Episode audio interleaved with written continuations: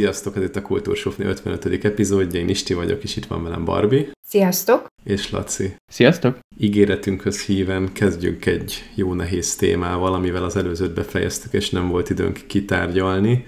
Hogy Laci, mondja már légy két-három mondatot azzal kapcsolatban, hogy hogy fejeztük be az előzőt, hogy ugye te foglalkoztál azzal, hogy hogyan csináld meg azt magadnak, azt olyan teresd meg azt a környezetet, amiben hatékonyan tudsz dolgozni, magánéletet élni, és kicsit újra gondolni ezt az egészet, ami így a web, internet, YouTube, közösségi média világából egy kicsit visszavenni, és, és azzal foglalkozni, mivel tényleg szeretnél. Arra emlékszem, hogy azt mondtad, hogy hogy elmentél egy nagy sétára, és össze, összegyűjtötted, összegezted magadban, vagy egy lapon, vagy nem tudom pontosan milyen formátumban azt, hogy mi az, amit szeretnél csinálni, mivel szeretnél foglalkozni. Szerintem induljunk innen. Uh-huh.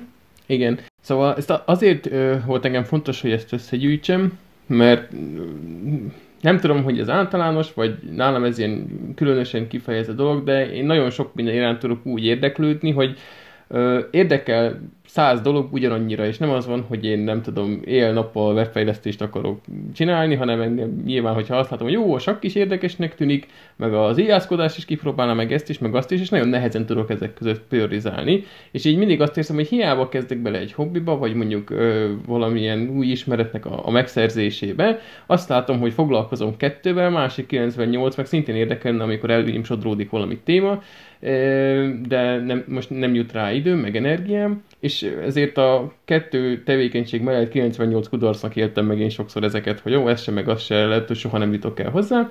Úgyhogy ezért volt egy ilyen nagy elhatározás, hogy akkor engedjük el ezt a szorongást, most az lesz a beosztásom, hogy én ezekre szeretik fókuszálni, mert végig gondolom, hogy ú, itt van egy szép nagy lista, ez mind-mind érdekel, de hát egyszerre nem lehet minden. Most erre a három-négy dologra fókuszálok, ebben van ilyen hobbi szintű dolog, meg van szakmaibb ö, dolog is, meg azért valamilyen pihentetőbb dolog is, és akkor nem fáj, hogyha most éppen elém sodródik megint valami érdekes téma, és azzal nem tudok foglalkozni, mert tudom, hogy ha most ezekre értem azt a, nem tudom, mondjuk, ha van egy kitűzött célom, hogy mondjuk most leérettségizem, és akkor ezt most ezért fizikálni voltak ott tanulok, ha ezt elértem, akkor megint újra értékelem egy ilyen milestone után, vagy ha mondjuk meguntam azt, hogy mondjuk nem tudom, zongorázni tanulnék, mondjuk azt most pont nem csinálom, de ha csinálnám, ha mondjuk már azt hogy megunom, most már ez nem szórakoztat, akkor megint csak félretehetem, jó, ezzel eljutottam valameddig, nem vált be, akkor próbáljunk egy újat, és ez nekem azóta egy nagyon nagy terhet levett a vállamról, azóta tényleg megszűnt ez a szorongás, még ha eszembe is jut valami, akkor max. egy ilyen backlogba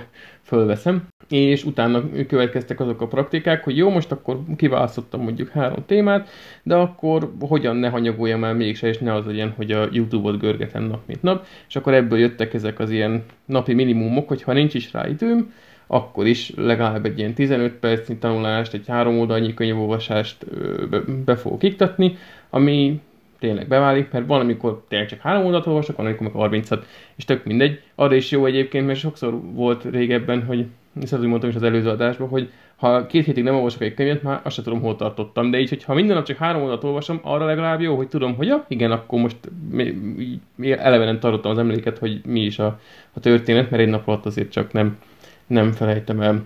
És így, hogy ö, kicsit a, ez a szorongás lejjebb könnyebb is ellenállni ezeknek az ilyen időkidobós tevékenységeknek, mint a YouTube-nak az esztelen görgetése. Ami nem azt jelenti, hogy egyáltalán nézek YouTube-ot, hanem hogy tényleg csak azt a három-négy csatornát követem, ami érdekel, és nem az van, hogy nézem, hogy na ajánljon már valami olyat megint, ami érdekel, pedig egyébként most nincs is már tartalom, de azért 10 percenként ránézegetek. Szóval egyelőre lekopogom, működik a rendszer, plusz éppen csak az ilyen idő elszúró dolgokat épp annyira teszem kényelmetlenné, hogy ne legyen elérhetetlen, de ne is csúszak bele abba, hogy a nagy semmit tevésbe a energiagát nélkül oda tudok folyni elé.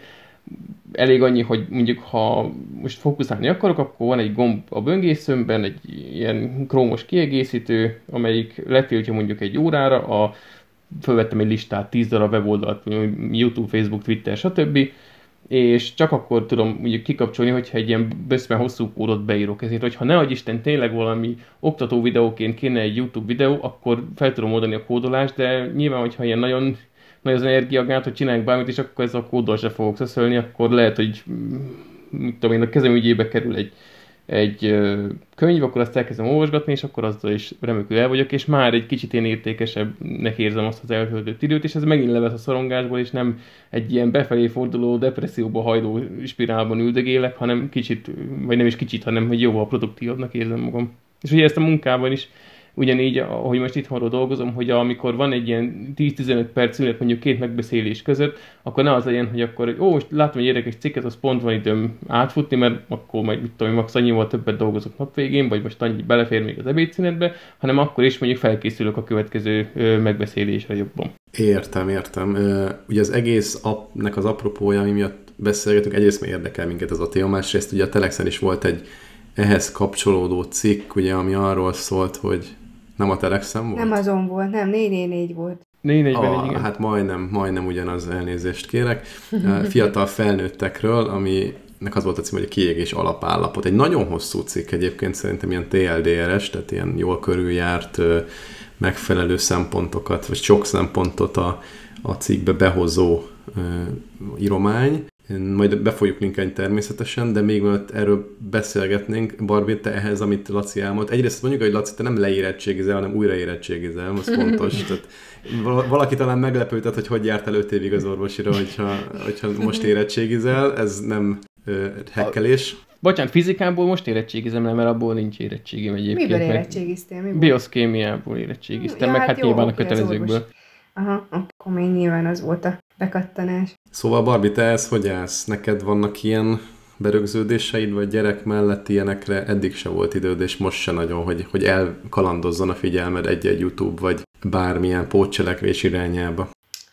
YouTube-ra nem szoktam, el, el, nem mondom ki, hogy mi jutott eszembe, milyen kifejezés, de nem szoktam el húzni az időt ott. Ami így előfordulhat az, hogy így valakivel ö, nagyon nagy messenger partiba keveredek, az, az szokott egy picit veszélyes lenni, de, az se, de nem a gyerek mellett, hanem, hanem mit tudom én, amikor altatom, vagy utána. De igazából én mindig írok egy ilyen, ilyen kis mini to lisztet a kis hat- zsebnaptáromban, van egy ilyen tanári zsebkönyvem, és akkor mindig van, amit így a hónapra szeretnék megoldani, aztán van, amit hétre, és akkor előfordul az, hogy van, amikor annyira mocskos lusta vagyok, hogy így mindent egy nap oldok meg, amit így akár szétoszthattam volna több napra is. De, de így, így igazából így, így élek túl, meg nem tudom, szóval egy, nagyon sokat változtam az elmúlt egy évben, de tehát előbb veszek elő most egy könyvet, mint például elkezdjek egy sorozatot, de most ugye ledaráltam múltkor a Bojack Horseman-t, az hát jó, okosan daráltam, de az utolsó évadot, azt megmondom őszintén, ott hat részt megnéztem zsinórba, mert ott nagyon magával vitt a sztori, úgyhogy ott, ott elég erősen rákattantam. De most ezt is ö, tudatosan így nem nézek ö, sorozatot se például, tehát nekem a sorozatokban nagyon-nagyon durván bele tudok kattani. A Bojack horseman ez tök jó volt, hogy mondta a Laci, hogy két résznél többet nem szabad megnézni.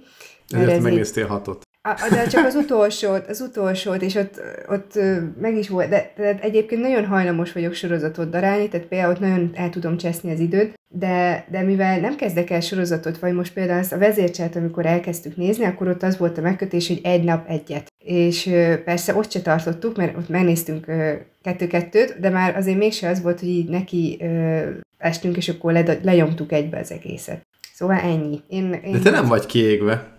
Ugye? Tehát így egyáltalán nem. Egyáltalán Igen. neked megvan az az érzés, hogy milyen kiégve lenni?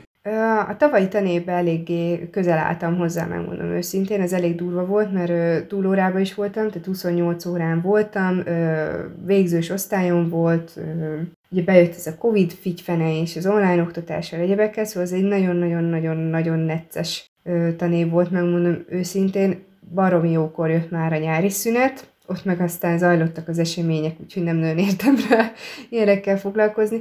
Ez, az, ez a tanévem ez sokkal nyugisabb, nagyon aranyos osztályt kaptam, akikkel nincsenek olyan jellegű problémák, tehát inkább ilyen, ilyen most ez egy ilyen kicsit ilyen havajosabb tanév, ezt remélem a főnököm nem hallgatja, tehát nem kell plusz munkát adni, hanem ez most pont nagyon jó a lelkületemnek ez a tanév, nem érzem úgy, hogy ki vagyok égve. Az egy tény, hogy amikor már odaérünk, hogy például téli szünet, őszi szünet, akkor már így ö, számoljuk vissza az a napokat, tehát múltkor már a, a téli szünet előtt a, csináltam a tanáriba WC papírból egy ilyen ö, centivágást, tehát így ö, felírtam a napokat, hogy december 8, december, és akkor így minden nap letéptünk egy napot, tehát ott már úgy éreztem, hogy egy kicsit ö, agyérgörcs közeli állapotba kerülök, mert baromi sokat kellett ö, helyettesíteni egyebek, de most megmondom őszintén, hogy ezt így nem érzem. Ami nálam is elő szokott fordulni, ez a halogatás, de ez többnyire az, hogy nincs kedvem, ö, mit tudom én, fölhívni a közműveket, mert ilyenek, ilyen ügyintézéseket rohadtul utálok, és annyira nyűgös, és úgy utálom, amikor ilyenekkel kell tökölni, a helyet, hogy valami értelmesebbet csináljon az ember, de hát na, ezeken is túl kell esni. Úgyhogy ezeket szoktam így, így elhúzni. Talán ebben van egy kicsit, ez a ügyintézős kiégés van bennem. Az nem kiégés. Az, Az csak, azt csak nem akarod megcsinálni, az mindenkinek van. Ah, Ugye? Én ugye ezeken gyorsan túl akarok esni jellemzően, és túl is esem, tehát az azonnal telefonálok és elintézem. Te nagyon ügyes vagy. Én, Irigyellek. én ebbe vagyok diszes. Hát azt szokták mondani, hogy a, a nem, nem, nem szokták mondani, aki GTD-zik, tehát van ez a módszert, ez a Getting Things Done, a, hú, hirtelen akartam volna, hogy kicsinálta Ellen, vagy nem is tudom, majd eszembe jut bemondom. Lényeg, hogy van egy ilyen módszertan, egy, egy amerikai faszi dolgozta ki így a hátterét, és aki ezt csinálja, ott, ott van egy olyan szabály, hogy amit 5 perc alatt meg tudsz csinálni, azt, azt intézd el azonnal. Te kár beütemezni, meg kár bepriorizálni, intézd el azonnal. Nyilván, hogyha van neked 5x5 ö, taskod, ami, ami egyébként, vagy tehát 5x5 perces taskod, és mondjuk 10 perc múlva meetinged van, akkor nyilván nem fogod mind az 5x5-öt megcsinálni, tehát nem fogsz 25 percig ezzel dolgozni, de értelemszerűen ezt ezeket azonnal be kell. Mert hogy most nem fogom elmondani, mi a GTD, de én egyébként nagyjából azt használom, és, és nekem tök jól bevált így, a, így munkaszervezésre. De most nem is ez az izgalmas, hanem az, hogy a, a kiégés, és hogy nek, nektek meg nekünk mi a véleményünk róla. Én azt gondolom egyébként, vagy hát a fene tudja, hogy ezt gondolom, mert nem tudom, hogy mit gondolok, mert nem vagyok benne biztos, hogy mindenki, aki azt mondja, hogy ki van égve és panaszkodik emiatt, az tényleg ki van égve.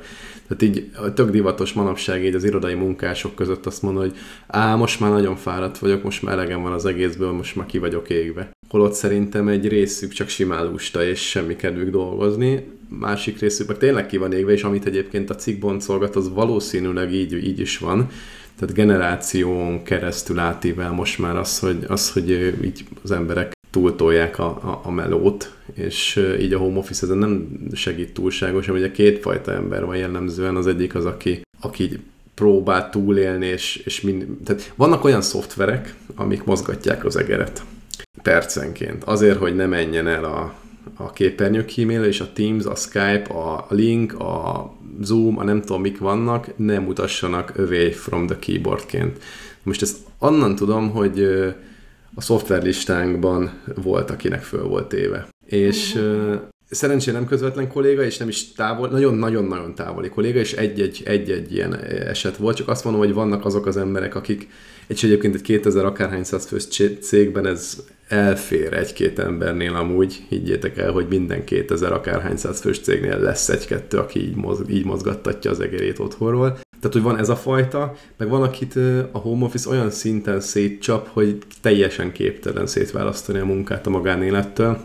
Na most, aki erre így nem, nem hajlandó és képtelen, az, az még jobban belecsúszik ebbe a kiégésbe, és azt is olvastam, és kíváncsiak, hogy erről mit gondoltok, pszichológusok mondták, hogy azok, akik nagyon-nagyon szeretik a munkájukat, azok a legveszélyesebbek, vagy legveszélyeztetettebbek azzal kapcsolatban, hogy kiégnek, mert ők hajlandóak brutál sok munkát beletenni, akár a fejlődésbe, akár azért, vagy annak céljából, hogy a munka elkészüljön, és, és egyszer csak azt veszik észre, hogy basszus, nem, már nem, nem élvezik, vagy túl sok, és, és nem tudnak kikapcsolni. Mert aki alapból nem élvezi, az, az nem fog kiégni, mert szarik bele, nem bocsánat. Egyébként ez a része engem baromira elgondolkodhatott, pont én is ezen agyaltam, hogy, hogy mennyire durván, tehát mennyire az lenne az ideális, hogy ledolgozod a napi 8 órát, és akkor leteszed a lantot, nem agyalsz rajta, nem kattogsz rajta, nem dolgozol már egyáltalán, és hogy milyen kevesen engedhetik meg ezt manapság maguknak. Meg én se tudom azt csinálni, hogy azt mondom, hogy akkor jó, 8-tól 4-ig dolgozok, és akkor nem foglalkozok vele, mert még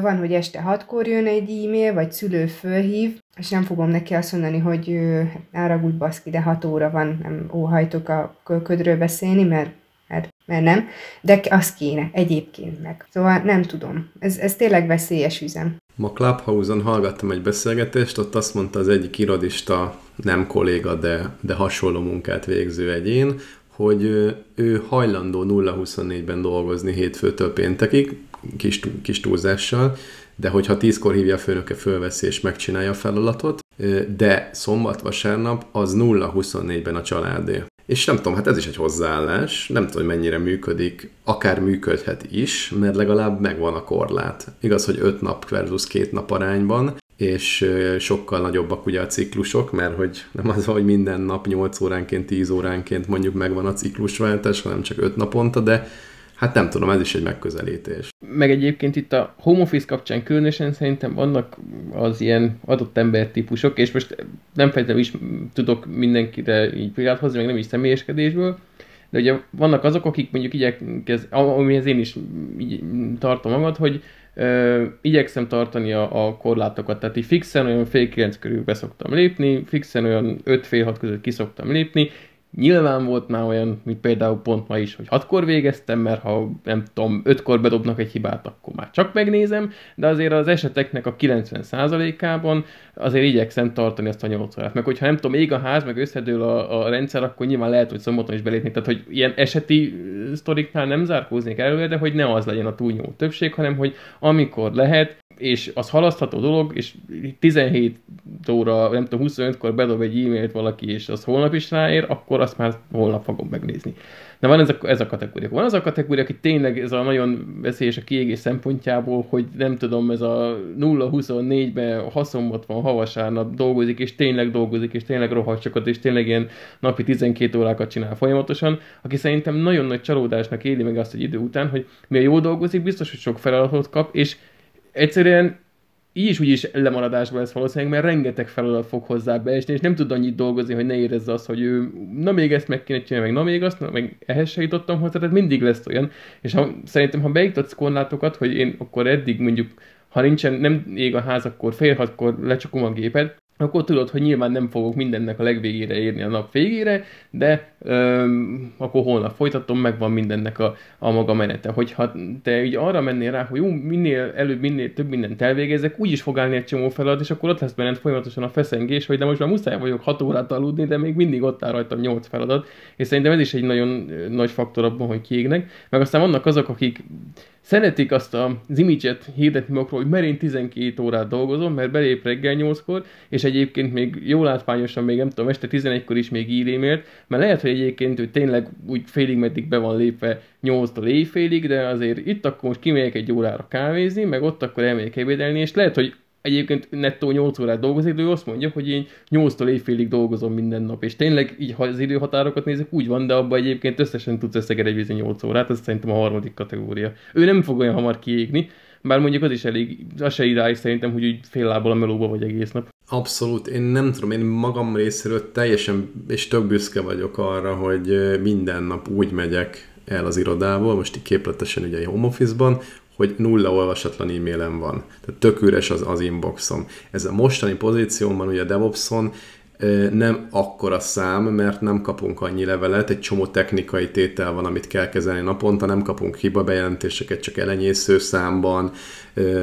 és a többi, és a többi, de ugye korábban a rendszer szervezésen is, meg az operáción is, hát nem tudom, több száz a levelek, levél jött a bizonyos napokon, tehát ilyen 100-200 simán van, van, hogy 300 és hogy olyan nap volt, és ebben már ki volnak filterezve az automata levelek, meg a mindent, tudjátok, mindenki szokott kapni ilyeneket, meg azok nincsenek ebben, tehát ezekkel valamit kellett csinálni.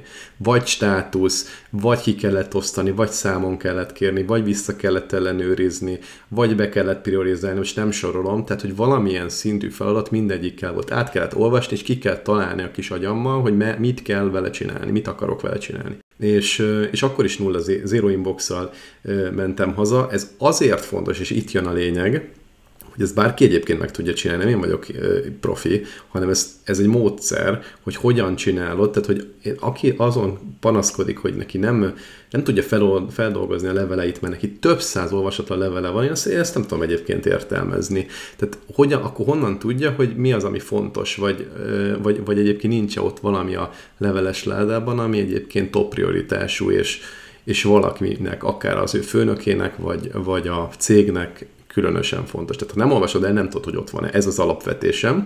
Aztán lehet vele vitatkozni, vagy nem egyetérteni. Tehát, hogy valamilyen módon el kell tudnod olvasni, legalább a tárgyát, vagy valamit. És nem azt mondom, hogy én az összes feladatot megoldom, ami aznap beesett, félre ne értsétek, tehát nem az történik. Attól, hogy neked zero inboxod a nap végén, az azt jelenti mindössze, hogy az összes belső feladatról nagyjából tudsz, el tudtad helyezni egy olyan képzeletbeli prioritás, vagy akár tényleges prioritási listán, hogy, hogy az milyen szinten prioritás és mennyire sürgős. Ugye a prioritás, tehát a fontosság meg a sürgősség az marhára nem ugyanaz, ez mindig nagyon fontos kiemelni mert nagyon sokan, főleg a juniorok ezt, ezt jellemzően keverni szokták. Tehát, hogyha valami sürgős, akkor, akkor az hirtelen pontos, és nem, nem, nem, és fordítva sem. És, és hogyha ezt elhelyezted akár képzeletben ezen a listán, akkor hogyha valami nem fontos és nem sürgős, akkor nyugodtan lehet priorizálni, delegálni, továbbadni, és majd visszaelnőrizni, és a többi. Tehát én és ami miatt az egésznek nagyon nagy értelme van, és itt kapcsolódok ahhoz, hogy kiégés, meg nem kiégés, az az, hogy akár menedzsment rólban is, de akár sima munkavállalói rólban is tök fontos az, hogy legyen napi sikerélményed. És az, hogy legyen napi sikerélményed, hát nyilván konkrét taszkokat megoldasz, az már egy sikerélmény, és az talán egy kicsivel egyszerűbb munkatársi rólban. Menedzsment oldalon, amikor csomó politika, meg egyéb dolog bejön a képbe, akkor már nem feltétlen ennyire egyszerű. És én úgy találtam meg ezeket a kisebb sikerélményeket minden napra, az az, hogy na, akkor én most minden feladattal képbe vagyok, és tudom, hogy mikor, mik fog következni. Zero inbox, tehát üres leveles láda. És ezt minden nap elérem, és ennek egy kicsit lehet örülni. És amúgy használ, vagy tehát, hogy egy nyugodtabban hanyom ott a munkát azzal, hogy, hogy tényleg nincs olvasatlan levelem. Meg egyébként azt nem tudom, hogy tudjátok-e, kevesen használják az Outlooknak azt a funkcionalitását, hogy lehet későbbre ütemezni, vagy későbbre rakni leveleket, amikor te azzal ismételten akarsz foglalkozni. Nem kell tudó listába áttenni dolgokat, hanem ha jöjjön majd szépen vissza az inboxodba, akkor, amikor ténylegesen teendő van vele. Tehát amit mondok, az körülbelül az, hogy a, az inboxodat azt tudó vagy tevékenységlistaként is használod. És amíg neked van ott elemed, addig kell valamivel foglalkozni még aznap. No, hát én így dolgozom, és nekem ez bevált most már hosszú-hosszú évek óta, szerintem már vagy 8 éve ezt használom, és David ellen egyébként a eszembe jutott, nem googliztam, beugrott, a GTD-nek az atya. És nagyon, nekem is van közvetlen kollégám, imádom, szeretem, nagyon-nagyon jobban vagyunk, de utálja a GTD-t, és, és neki nem vált be. Úgyhogy nem az van, hogy akkor ez most mindenkinek tökéletes, de, de sokaknak jó lehet, hogyha így betartják, betartjátok azokat a javaslatokat, amit a David ellen itt kitalált. Főleg azoknak jó, akik egyébként nehezen szervezik a munkájukat, és sokat prokrastinál, bocsánat, mi ez, ha elhalasztanak feladatokat, meg halasztgatnak. Úgyhogy javaslom, hogy nézzetek esetleg utána. A is megvan, meg nyilván a neten is elérhető egy csomó segítség ezzel kapcsolatban, hogy hogyan lehet ezt elkezdeni. Kicsit még a kiégéshez visszakapcsolódva, nem tudom, ezzel egyetértetek amúgy, mint azzal a részével, hogy, hogy a kis sikerélményekre szükség van? Vagy ti ezt hogy álltok hozzá? Várj, ezt most mivel kapcsolatban mondod a kis sikerélményeket, hogy elolvastad az e-mailjeidet? Az becsillagoztad? Nem, nem azzal, hanem úgy általában a, a te saját napodban, akár most, most munkáról beszélünk, de beszéltünk tágabb értelemben is, minden nap szükséged van valami kis sikerélményre, amiért, aminek ki tudsz örülni, na ezt megcsináltam, tök ügyes vagyok és lehet ilyen az inbox zero, vagy zero inbox, de nem csak ez lehet nyilván. Valami kis által kitűzött cél, hogy ma is beírtam három darab egyest, vagy mondjuk két ötöst, vagy nem tudom, bármi. Ma is sírt egy gyerek hazafele, például. Ami nekem minden nap a célom a suliba az, hogy jó órákat tartsak, és a gyerekek élvezzék ha, mivel egy nap nem csak egy órám van, ezért egész jó sikerrátám van, mert hogyha egyik órámhoz nem annyira sikerül jóra, akkor még egy másik csoporttal azért jobban sikerülhet, és az a durva, hogy van, hogy ugyanaz a tananyag az egyik csoportnál nem igazán működik, a másikok meg imádják, és tök jó pörögnek. Máshogy kérdezem, mitől lesz neked jó egy nap? Tehát, hogy mitől van az, hogy te egy jó órát tartott, azt honnan tudod? visszanevet egy gyerek, vagy jó válaszokat adnak, vagy a végén hát jössz ki, hogy nem, a, nem, az a halálom, az, amikor mennyi idő van még az órából. És ezt tudom, hogy ezt azért kérdezi, mert már rohadtú unja, és menekülne. És amikor ezt megkérdezi egy gyerek, akkor így érzem, hogy oké, okay, ez az óra, ez nem, nem igazán jött össze, de amikor ö, a jelzőcsengőkor azt mondják, hogy akkor azt mondom, ne, ez egy jó óra volt, mert sajnálja, hogy jelzőcsengő van, ugye ez azt jelzi, hogy 5 perc múlva kicsöngetnek. Bocsánat, most lehet, hogy hülyeséget fogok kérdezni, de miért kérdez bárki olyat, hogy mennyi van még az órából? Hát van órájuk, meg gondolom fixen Ott a meg van. a jobb alsó sarkába, de ez egy ilyen, mennyi van még az órából? Ez egy ilyen dramaturgiai eszköz, hogy érezd, hogy te egy szarórát tartasz, és hogy azt várja, hogy mikor lesz vége, mert hogy nem az ő kis ízlésvilágának nem megfelelő a tananyag rész. De fölteszi a kis kezét, és megkérdezi, vagy így, így bemorog valami Ez így, ah, ez így befolyik, ez így többnyire Ja, így a hátsó sorban így befolyja, hogy akkor most meg. És pont ma volt egy ilyen, azért most ez így pont, pont ma volt egy ilyen, ami egy olyan tananyag, amit eddig, ezt már több évet csinálom, imádni szokták a gyerekek, egy Varró Dani verset kell ö, PPT-be így beidőzítgetni verszakonként, és ezt baromira szokták szeretni, meg szokták tanulni a verset óra végére. Ezek majdnem lehánytak, annyira utálták. A, a negyedikeseknél ott meg egy tök egyszerű kis feladat volt, és akkor tök lelkesen csinálták, és akkor ott olyan cukik volt, amikor jelzőcsengőnél ott elkezdték sajnálni, hogy vége van az órának. Úgyhogy, úgyhogy így igazából mérlegre teszem, oké, okay, majd akkor a jövő héten, a- amelyikek ma leukálták a fejemet, hát ha majd tudok egy kicsit szórakoztatóbb órát tartani, emezeknek meg ugyanezt a színvonalat hozni. Nekem már akkor azt mondom, úgy lépek ki a sulinak a kapuján, hogy, hogy jó napom volt. De akkor is jó napom van, hogyha egy gyereknek már megoldottam valami kis problémáját, vagy, vagy begölelgetett, vagy, vagy látom, hogy tényleg meg, megnevettettem, most tegnap például kiosztottam a félévi biziket, és akkor ott is ez volt a célom, hogy ne az legyen már, hogy most tök jó képességű gyerekek, tök jó bizieik lettek, leszarom, hogy van benne négyes, meg mit tudom én, ne az legyen, hogy így depressziósan mennek ki az, az ajtón. Tehát ott például az volt a cél, hogy, hogy mindenkibe legyen az, hogy jó, oké, ez jól megcsináltam ezt a fél évet így tovább, vagy akinek meg azt mondtam, hogy át, figyelj, tudom én, 3,91 volt az átlag, nyomjuk már föl négyes fölé, mert ez a hármas az olyan gusztustalan, én négyeseket szeretek írni a bizibe, és akkor ennyi. Tehát nekem ez így Uh-huh. szinten már, már jó. Nyilván, hogyha nincs Covid, akkor az is, hogyha ugye rendezvényeknél pedig az, hogyha a gyerekek lelkesek, meg jól érezték magukat, akkor, akkor az is tök jól tud esni. Amúgy itt még Barbie, hagyd forduljak már felé egy kérdésre, hogy a kiégés kapcsán ugye mi ugye István hasonló munkakörben vagyunk, és beszéltünk a munkaszervezésről, hogy hát egy tanári munkakörhöz képest viszonylag szabad kezünk van, most még a home office-tól függetlenül is, hogy most hogyan szervezzük a megbeszéléseket, a leveleinket, a teendőinket, hogy most ekkor írok specifikációt, akkor egyeztetek vele, akkor nézek bele a kódba, stb. Ugye neked megvan fixen, hogy milyen ö, tanmenet szerint mit kell leadni az órán, mikor pontosan, hogy neked milyen eszközeid vannak arra, hogy tudjál változtatni a, a munkamódszereiden, ami esetleg így segíthet a kiégést megelőzni. Az a klassz, hogy becsukom az ajtót, és azt csinálok, amit akarok. De ez most egy egy kicsit perverző hangzott, de nem úgy értettem. Tehát, hogy most lehet, hogy az van a tanmenetben, én a Krétába tehát egy Excel fájlt így betöltöttem, az a lényeg, rákattintok, és akkor mindig automatikusan beírja az órámat a tanmenet szerint, tehát én nem ö, hazudozok, na, vagy jó, hazudozok, na.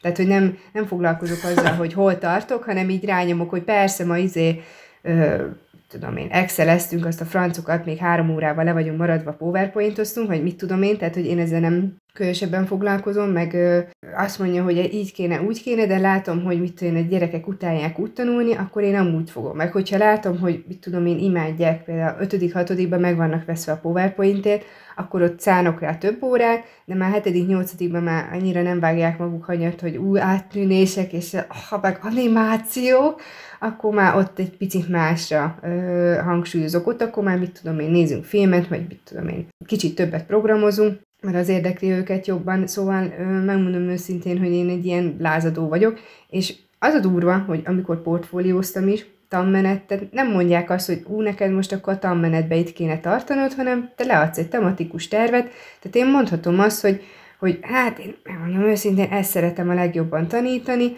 akkor, akkor én abból portfóliózok, és tolják le, hogy te most a tanmenet szerint hol tartasz, meg mint tartasz. Igazából nem, érde, nem érdekli a kutyát se. Nyilván ez egy matekból, magyarból érdekesebb, mert ott ugye van egy kimenet a felvételi, vagy hogy angolból is például ott ugye szokott lenni mm, kompetenciamérés, de így infóból nem, tök jó kis szabad kezem van, úgy egyébként. Tehát, hogy nincs, nincs, így, nincs így a nyakamra járva, hogy hát figyelj már, Barbie, hát hallottuk, hogy három órával többet vördöztél, mint amit kellett volna.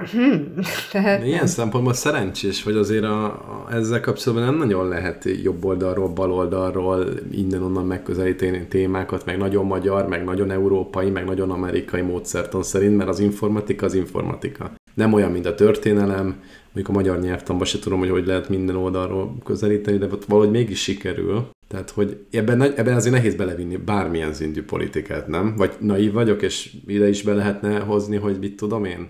Steve Jobs is magyar van. volt. Ö, biztos be lehetne, de én így ö, ezt így nagyon ellenállok, és akkor tényleg mindig az a fő szempontom, hogy én is jól érezzem magam, meg a gyerekek is jól érezzék magukat. Ö, én teljesen csoportra szoktam szabni egyébként, tehát van, tudom, van három hetedikes ö, csoportom, akit tanítok, rohadtul más habitus mind a három. Ha ugyanazt adnám le mindegyiknél, ugyanabban a ritmusba, akkor az egyik ö, eret vágna magán, a harmadik ö, szétunná az agyát, tehát hogy nem, nem működik egyszerűen a, ugyanaz, ugyanaz a gyerekeknél. Meg egyikében van, ami tök jól elsül, a másikében meg, meg se próbálom leadni a gyerekeknek, mert már látom, hogy tuti, hogy nem élveznék. Mennyi van még az órából? Más. Igen, igen, mennyi van még az órából?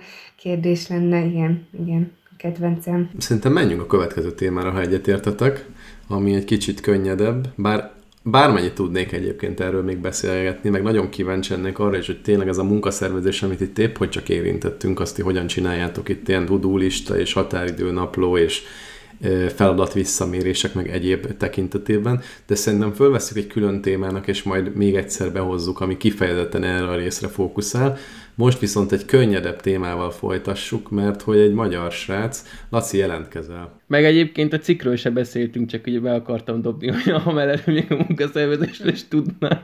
Cikkről a cikről semmit nem, de én szintén én azt nem akartam egyesével kivesézni, mert gyakorlatilag olyan sok mindent érint, hmm. hogy mi gyakorlatilag egy ilyen kis füzetként is ki lehetne adni. De végigbeszélhetnénk az adást csak a cikkről, igen, mert rengeteg mindent érint valóban. Igen, igen, úgyhogy ezt majd csak be fogjuk linkelni, és, és nézzétek meg, ha nem tekintettétek meg eddig. Ma elég régi, amúgy egy két hete jött ki szerintem, úgyhogy akár láthattátok is. Na viszont a mostani témánk egy könnyedebb valami, mert hogy egy magyar fejlesztő fiú. Fiúcska, ez a egy technikumi tanuló, Gergely Dániel ö, készített egy Budipa, Budipest appot, ami gyakorlatilag azt hát vizsgálja, vagy hát azt hozza, és közben Laci le is töltötte az appot, és megnézegette, hogy hol vannak nyilvános WC-k Budapesten, illetve hát hol van a közeledbe. Ugye most főleg, hogy és ugye ma újra úgy határoztak, hogy március 1 meghosszabbítják, tehát vendéglátóipari egységek ismét nem nyitnak ki. Úgy még nehezebb a helyzet, mert ugye nincs az, hogy bemegyek egy ropjért, és akkor megyek egyet pisilni, mert még most ez se, hanem tényleg a közvécéket kell Pesten kergetni, és ez a srác készített egy ilyen appot. Egyébként volt már hasonló ö, kategória, a kétfarkú kutya pártnak volt egy Pisi app nevű apja, illetve volt már egy ilyen Budipest app, de az már, az már nem ilyen. Úgyhogy gratulálunk a fiúcskának. De egy diák, ugye?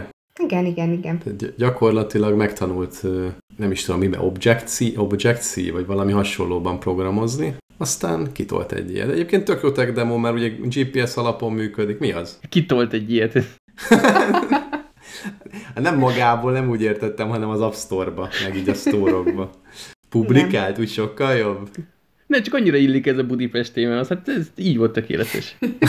Úgyhogy használjátok egészséggel tök jól néz ki, nagyon jó volt a dizájn. Nem tudom, hogy van erre valami ilyen, nem tudom, összekattingatós, tényleg ilyen objektumokból standard, vagy ő dizájnolta, így vagy úgy, egyik se kisebbíti a, az érdemeit, nagyon jól néz ki, és még az is látszik, hogy az adott budi, az most egy ilyen teljesen köztéri, ilyen nyilvános WC-ként működő objektum, vagy valami étteremnek egy ilyen nyilvános része, vagy mondjuk plázának, vagy benzinkutas, szóval még ilyen feature is vannak benne, meg ilyen színekkel jelzi, hogy most éppen nyitva van-e, vagy nincsen lehet benne értékeléseket adni, ami azért lássuk be, egy, egy WC-nél van jelentősége annak, hogy van-e gusztusod oda betérni, meg még ilyen szöveges megjegyzés is lehet, és egyébként tudsz is fölvetetni a listára új WC-ket. Azt nem tudom, hogy van előtte valami ellenőrzés, gondolom van, mert különben lehetne trollkodni vele, hogy a, nem tudom, Sanyi bácsinak az éttermét bejelölöm nyilvános WC-nek, és mindenki ott fog csengetni, hogy beugrana. Honnan jön az alaplista? Azt tudjuk? Hát erről nem szólt a fáma. Az abban nincs róla szó, mert nincs ilyen kis összefoglaló tájékoztató infó része. Hát ő személyes tapasztalat. Ő járt a Pest utcáit, Budapest utcáit, pipálgatta. Viszont én azért én gondolkodtam, és, és én összeírtam egy kisebb listát, hogy még milyen feature-öket tudnék benne elképzelni. Hát Laci, már akartam is kérdezni, hogy esetleg továbbfejlesztési lehetőségek. Igen, úgyhogy egy ilyen, ez alapból már néztem a verziószámot, hogy 2.0.1 vagy hányos verzió, egy, mondjuk akkor egy 3.0.1-es verzió, egy az értékelések azok vannak benne, azok nagyon is jók, de lehetne, hogyha mondjuk van ilyen több fülkés módszer, akkor le lehetne írni, hogy akkor mondjuk éppen aktuálisan melyik foglal. Valaki beül, és akkor így befoglalja, hogy az most én egy 5 perces művelet lesz, vagy egyébként 15 másodperc alatt kettőt rázok, aztán végzek vele. Ezen kívül, hogyha népszerűbb helyeken lehetne egy ilyen beépített sorszámosztás is, hogy akkor látod, hogy 15-en onnan kerülted, akkor addig még sétálgatsz, meg bedobsz még egy sört, mert akkor úgyis utána fog csak oda jutni, és akkor felmutatod bemenni a telódat, hogy most itt én jövök. Valamint ugye lehet, meg is lehetne adni, hogy amikor távozol, akkor megnyomsz egy gombot, és akkor látszik, hogy előtted éppen 32 másodperce jártak abban a WC-ben, ezért, hogyha mondjuk szereted a meleg ülőkét, akkor még valószínűleg olyat fogsz ott találni, vagy ha pont nem szeretnéd, akkor vársz egy kicsit, hogy hát vannak azok a esetek, amikor még kicsit várakoznál, illetve nagyon hasznos lehetne, mint az elsősegélyes appnál, hogy a közelben lévő telefonokon, ami van, küldhetné SOS jelzést, hogy nincsen papír, és akkor valaki legyen már szíves beugrani. Illetve ö, Hát régen ez főleg a hölgyeknél volt divat, de hát ne legyünk kirekesztőek, akár urakra is vonatkozhat, hogy lehetne esetleg ilyen multiplayer-szerűen együtt összeszervezni a WC-zést, hogy ne egyedül kelljen már járni, hanem akkor egy adott pontot letűzünk, hogy nem tudom, Ludovikán összefutunk, aztán megyünk a legközelebbi nyilvános WC-be, amikor meg vagyunk hárman, akkor elindulunk, úgyhogy én ezeket még el tudnám benne viselni. Budi barátok. Te telekocsi mintájára. Telebudi. Figyelj, most úgy sincs nyitva semmi megint egy hónapig, Úgyhogy kell programszervezés, ez teljesen korrekt. Kizárólag 8 óra előtt. És egy WC turizmus erre épülhetne. Látok itt egy piaci rést. Én is, én is. Igazából simán fölmenni Pestre csak pisilni. Csak az a baj, hogy én, én barom jól tartogatom, tehát így valami ücsi partit, vagy partit, vagy kávépartit kell közben nyomni. Á, á, az nincs nyitva, sajnálom. Hát de ilyen kis izé termoszba. Így mész, és akkor teázol, hogy legyen mit pisilni. Mert érted, csak jó. Úgy, úgy elmész és megnézed a WC-t, abban nincsen semmi. Az nincs, úgy jó, semmi. hogyha tesztered. Legalábbis, úgy, legalábbis reméljük, hogy akkor még ott nincs benne semmi, amikor te oda mész. De hogy uh, egyébként, azt nem tudom, láttátok, hogy a Hosszú Katinka meg a párja, ők folyamatosan most azon dolgoznak, nem tudom, hogy most dolgoznak-e azon, de minden esetre most tanában kerülnek ki a posztok, hogy itt-ott járnak és járják Magyarországot. Valószínűleg valamelyik ilyen Magyarország. WC-ket tesztelnek? Vagy? Nem WC-ket, de várjál, ez lesz a lényeg, hogy esetleg arra is föl lehetne őket kérni, mert hogy a magyar tájakat járják, és itt-ott fotózkodnak, meg e, szépen propagálják, így mondják, nem, promótálják, hogy mondják ezt szépen magyarul? Hirdetik, és, hirdetik, hír, hír, hirdetik és, és mutogatják, hogy mennyire szép helyek vannak Magyarországon, és hát lehetne, hogy erre is esetleg kíváncsiak vagy vevőek lennének, kipróbálnak ezt-azt. Amikor Koreában voltunk, uh-huh. akkor volt egy olyan, volt egy olyan mosdó, szerintem ezt már mondtam az egyik adásban, uh-huh. így a tizedik Igen. körül, hogy olyan, olyan 40 gomb volt rajta, amit Igen. lehetett nyomkodni. Hát nem biztos, hogy Budapesten a közvécék ilyen állapotban vannak, de még az sem kizárt, nem szoktam. Viszonylag ritkán használok De akkor azt mondod, hogy ezt érdemes lenne országos hálózattá bővíteni. Én franchise rendszerre gondolok alapvetően. Uh-huh. Jó kis mezőkövesdi budikat is felméretni, ebbe tök igazad van. Nem csak felméretni, felméri Péter, felméri, hanem Jézusom. egyébként a többi helyen is szépen behozni ebbe a rendszerbe, és használtatni őket. És hogyha az dobja neked a rendszer, hogy 10 kilométeren belül nincsen nyilvános WC? Hát akkor kell egyet alapítani. Akkor az egy piaci rés rögtön. És egyébként az appot akkor lehetne arra is fejleszteni, hogy amennyiben a keresési kör mondjuk meghaladja az 5 kilométert, tehát azon belül nincsen WC, akkor így elkezd bokrokat meg fákat is ajánlani, ami még szóba jöhet. Abszolút. Egyébként ez agilisbe lehetne fejleszteni szépen kéthetes sprintekkel, hallod, és akkor most Baz megyei bokrok, most Heves megyei bokrok, el tudnám képzelni. Automata tesztelés, azt nem tudom, hogy hogy ütemeznénk. Egy Tesla kocsi megy, és pumpálja, vagy mi? Kontaktáljunk más sráccal, mert erre szerintem egy startupot fel lehetne húzni. Az biztos. A, be, Ipó, aztán gazdagodva kimegyünk, nem tudom, a Venezuelába eladni a vesénket a maradék pénzből. Na jól van, gyerekek, menjünk tovább, ami... Túltárgyaltuk szerintem. Ez, ez, a akkor abban maradunk, Barbie, hogy légy szíves, vedd fel a kapcsolatot a, az úrral, és mm-hmm. kezdjük el, kezdjük el a franchise Terjeszkedést. Jó van tárgyalva. Ez is, az is, így van. Na figyeljetek, ez egy nagyon-nagyon rövid és gyors kérdés lesz, aztán olyan gyorsan válaszoltok, ahogyan szeretnétek. Vannak ezek a vakcina mizériák, mert nem tudom egyszerűen nem behozni, pedig tudatosan távol tartjuk magunkat ettől a vakcina témától, de már nem bírtam tovább. Tehát van az a Pfizer, nem tudom, láttatok-e a mémet, hogy ő ott szó pici kínai, kínai vakcina, Pfizer, Pfizer, ez is jó, ez is jó. És akkor van egy ilyen mém, na most erre, ezen felbuzdulva azt kérdezném tőletek, hogy a, a Pfizerről mondja mindenki, hogy az milyen jó. Tegyük hogy így van.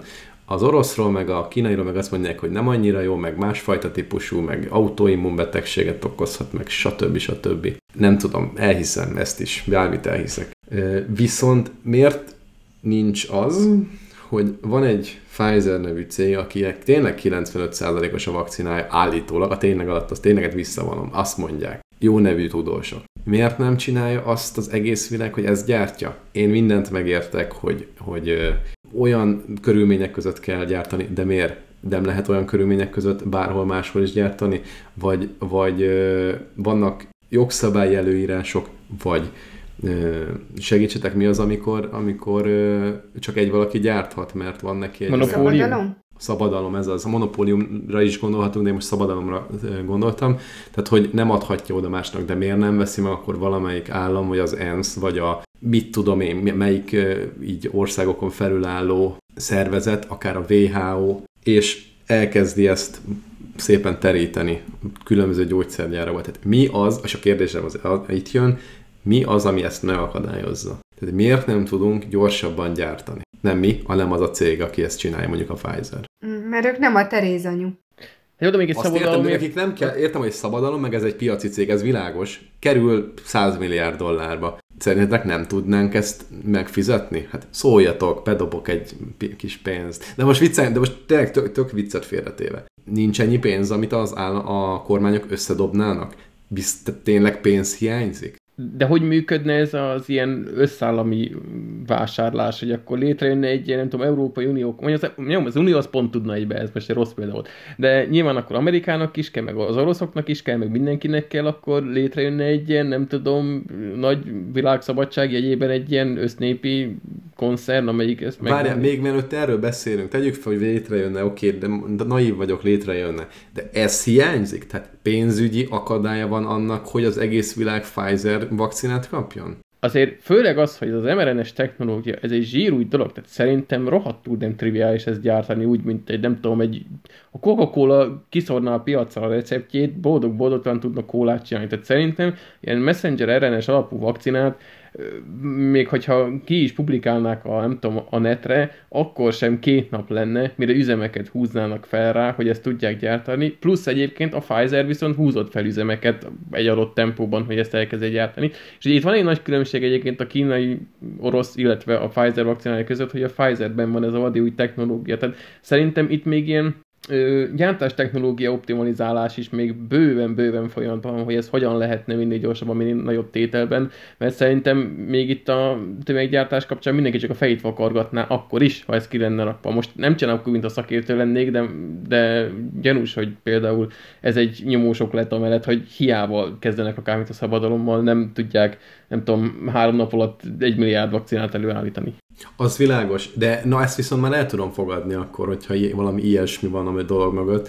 Csak én azt feltételezem, hogy van egy csomó gyógyszertel a világon, ezt nem feltételezem, ezt tudom, és hogyha átállítani a gyártósort, nincs az a pénz, amiért gyorsabban át lehet. Most tud, ja, van, van olyan, hogy akkor e- egy nő az 9 hónap alatt hord két gyereket, akkor 9 nő az egy hónap alatt, tehát nem, világos, hogy ilyen nincs csak tényleg ezt keresem, én erről nem olvastam cikket, de lehet, hogy csak figyelmetlen voltam, meg nem csak figyelmetlen, általában nem is keresem ezeket a cikkeket, próbálom tudatosan kerülni inkább, mert annyi hülyeséget olvasni, hogy inkább majd, majd feliratkoztam egyébként a vakcinára, azt majd arról is beszélhetünk. Én is.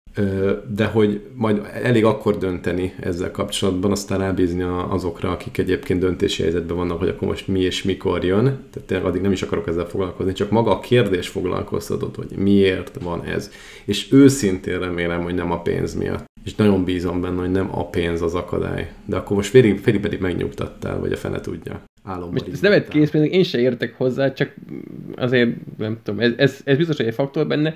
Lehet, hogy egyébként, ha infinit pénze lenne mindenkinek, akkor gyorsabb lenne, de szerintem akkor sem lenne már mindenkinek a kezében két vakcina. Uh-huh. Egyébként csak még egy példa egy gyártás technológiára. Pont a múltkor néztem, ez nagyon már messzire fogom indítani, pont a múltkor néztem egy videót arról, hogy miért hiányzik a vadi új videókártya, meg az, X, az új Xbox, meg a PS, meg a mit tudom én, és azért, mert hogy a bennük lévő ö, processzoroknak a szilikon lapkája ugye annyira ilyen fejlett mikrotechnológiával készül, hogy az egész világon kettő darab cég van, a Samsung, ami még kisebb kapacitással, meg még egy, ami kifejezetten erre specializálódott, nem tudom, valahol Japánban, amelyik ilyen lapkákat tud gyártani, és mindenki kb. az okostelefonoktól elkezdve a laptopokon át, a gamer PC-ig, a videokártyákon és a konzolokon keresztül tőlük veszik ezeket a lapkákat, és ez egy ilyen full nyitott piac, más is, tehát a Samsung is tudott terjeszkedni, meg az a cég is tudott terjeszkedni, de mégis ugye egy olyan bonyolult technológia ezt előállítani, hogy ott tartunk, hogy nem tudnak eleget gyártani belőle, és hiába van ö, nyitva a piac, nem, nem terjeszkednek ezek a cégek, nem lesz egyre több, nem szaporodnak gomba móda szilikon gyártunk. Úgyhogy ezt a valószínűleg egy ilyen vadi technológiával rendelkező, ezért tűnik logikusnak nekem, hogy egy ilyen vadi technológiával rendelkező mRNA-s vakcinánál, még hogyha tudnának is ö, mások, majd tudnák is a, mások a módszertant, akkor se biztos, hogy olyan nagyon könnyen és gyorsan tudnának ö, sok üzemet felhúzni rá. Megközben gondolkodva abban is, vagy amiatt is igazad lehet, mert ugye van ez a 70 fok, mínusz 70 fok, ahogy tárolni kell. Na most ha mínusz 70 fokon kell tárolni, akkor ki tudja, hogy előállítás ott milyen körülmények szükségesek, ha maga maga az előállt elegy szállításához, és egészen addig, amíg be nem adod azt, az, azt, azt, a, azt a vegyületet, azt, azt tá, hogyan tárolod, mínusz 70 fokon, akkor előtte még milyen extrém körülmények szükségesek, ez igaz, ez most így, most, most így végig gondolva, ez egy jogos érv lehet. És még egy utolsó, technikai. Valószínűleg nem betanított gyári munkások állítják ezeket elő, ki tudja, hogy milyen szakemberek kellenek hozzá, és milyen számban vannak erre specializálódott szakemberek egyébként az egész világon, akik ennek a gyártásában felügyelni tudják, meg koordinálni tudják, vagy végezni tudják egyáltalán. Á, ezt, ezt én szerintem ez nem a szűk keresztmetszet. Tehát gondolod, hogy itt izé a, a, a négy tagú kitaláló bizottság, nem is tudom, abban volt egy magyar hölgy is, nem? Vagy azt uh-huh. rosszul keverem valamivel? Uh-huh. De hogy ők felügyelik? Asszonysága, hogy itt a nagyjaink hivatkoztak rá. Asszonyság. És szóval biztos, hogy nem ők felügyelik, de szerintem a gyógyszerész ezt képes felügyelni.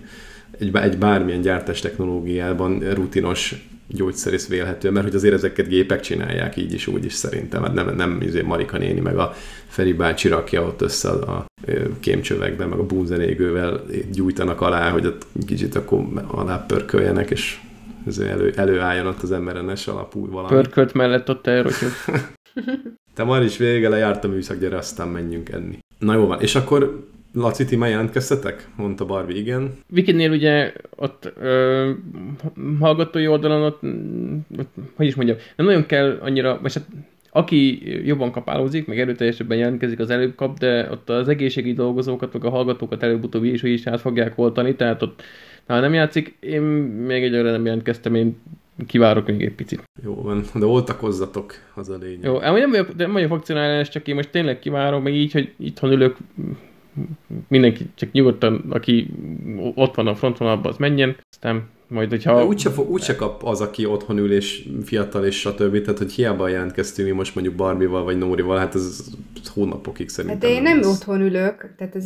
Hmm. De nem, jó, nem, bocsánat, az otthon és az Nóra meg rám vonatkozott, jó. de egyébként mi se ülnénk már szívesen, de te is fiatal vagy, tehát ugyanúgy, hogy nem ülsz otthon, szerintem nem fogsz nagyon hamar kapni. Valószínűleg egy, egy fokkal hamarabb fogsz kapni, mint mi, de úgy nagyon hamar nem hiszem. Vagy gondolod, én, hogy igen? Én nekem az van a fejemben, hogy április. Én ezt így kitaláltam, és ehhez tartom magamat. Vannak ilyen hülyeségeim, ehhez most ezt én most így kitaláltam, áprilisba szurit kapok, kész. Akármi ezt nem tudom, április 8-án fölkerekedsz, elsőt az orvoshoz, meg beköszönöm, hogy csókolom, jöttem, és akkor kérdezik, hogy nem miért. Alásan, házhoz jönnek hozzánk, beutat, beutanak, ott suliba beutanak. Én így, így képzelem, ez van a kis buksimba, én ezt találtam. Sputnik, Sputnik vével? Igen. Igen, és most egy kicsit, ahogy vizé szoktam mondani, Laci, alumínium sapit fölraktam, és akkor áprilisban egy oltást kapok.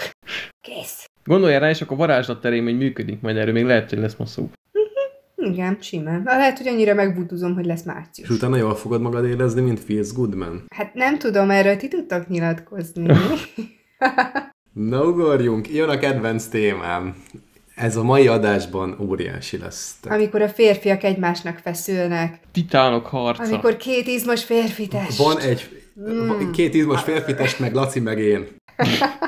Két izmos férfi hang. Na figyeljetek, van ez az új film, Feels Good a címe, meg van az a régi mém, ami nyilván nem véletlen az egyezés, ami egy béka emberről szól, vagy maga Feels Good a béka, vagy hogy van? Nem, a Good az csak, amit a béka mond, Pepe a béka. A Pepe a béka, igen. És ugye az először úgy mémesedett, ugye de szép szó ez, hogy volt egy ilyen képregény panel, ahol azt mondta, hogy Feels Good Man, és akkor ez lett a címe a dokumentumfilmnek. Így van. És Hát annyit kell tudni, hogy Laci ezt megnézte, majd azt mondta, hogy nézzük meg mi is. Én jó hiszeműen megnéztem, és miért utálsz? Ez az első kérdésem. Hamiltonért szerintem.